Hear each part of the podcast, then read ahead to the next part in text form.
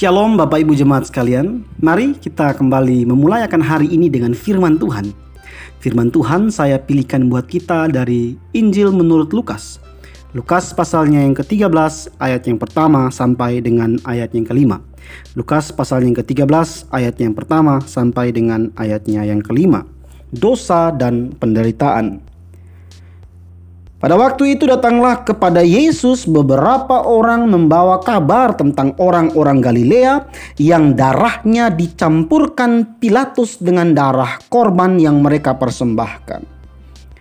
Yesus menjawab mereka, Sang kamu orang-orang Galilea ini lebih besar dosanya daripada dosa semua orang Galilea yang lain karena mereka mengalami nasib itu. Tidak kataku kepadamu tetapi jikalau kamu tidak bertobat, kamu semua akan binasa atas cara demikian. Atau sang kamu ke-18 orang yang mati ditimpa menara dekat Siloam. Lebih besar kesalahannya daripada kesalahan semua orang lain yang diam di Yerusalem. Tidak kataku kepadamu. Tetapi jikalau kamu tidak bertobat, kamu semua akan binasa atas cara demikian. Bapak Ibu jemaat sekalian, ketika suatu peristiwa buruk terjadi dalam kehidupan orang-orang di sekitar kita atau orang-orang di atau di daerah-daerah yang kita ketahui atau yang kita baca di media-media sosial, media elektronik atau media cetak.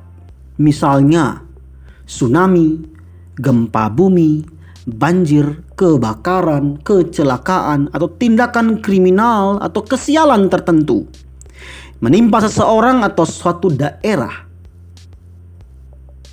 maka tidak jarang sebagian orang memandangnya sebagai hukuman dari Tuhan. Sebagian orang beranggapan bahwa orang-orang tersebut memang pantas mendapatkannya, atau mungkin ada yang bertanya, "Oh, mungkin mereka terlalu banyak berdosa, maka Tuhan menghukum mereka." Bapak Ibu jemaat sekalian, sebagian orang Israel pada zaman Tuhan Yesus juga memiliki anggapan demikian. Mereka mengira bahwa orang Galilea yang dibunuh dan darahnya dicampurkan Pilatus dengan darah kurban persembahannya lebih berdosa daripada orang Galilea lainnya. Mereka juga mengira orang yang mati ditimpa menara dekat Siloam lebih besar dosanya dari orang Yerusalem lainnya. Dosa merekalah yang mengakibatkan mereka mengalami nasib buruk itu. Itu yang menjadi kesimpulan mereka. Namun Bapak Ibu jemaat sekalian, Tuhan Yesus meluruskan pemahaman mereka. Cara hidup seseorang tidak menentukan cara matinya.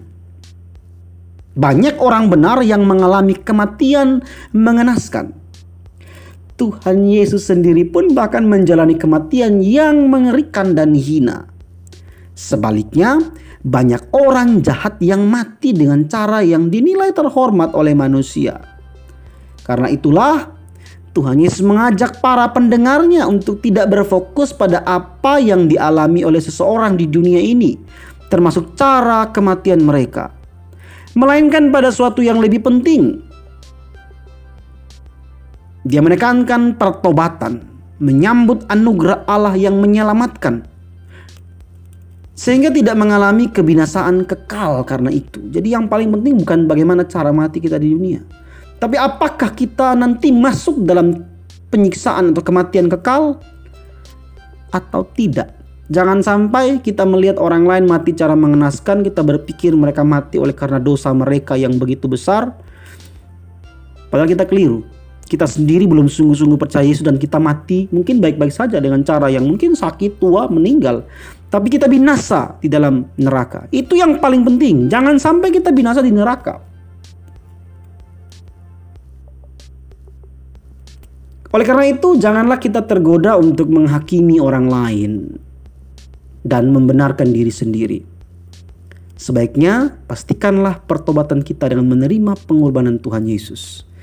Yakinilah bahwa apakah sungguh-sungguh saya, kita sekalian, sudah sungguh-sungguh bertobat, sungguh-sungguh ikut Tuhan Yesus, sungguh-sungguh menjadi murid Tuhan Yesus, ataukah kita hanya menjadi orang-orang yang pengikut-pengikut atau penonton-penonton saja.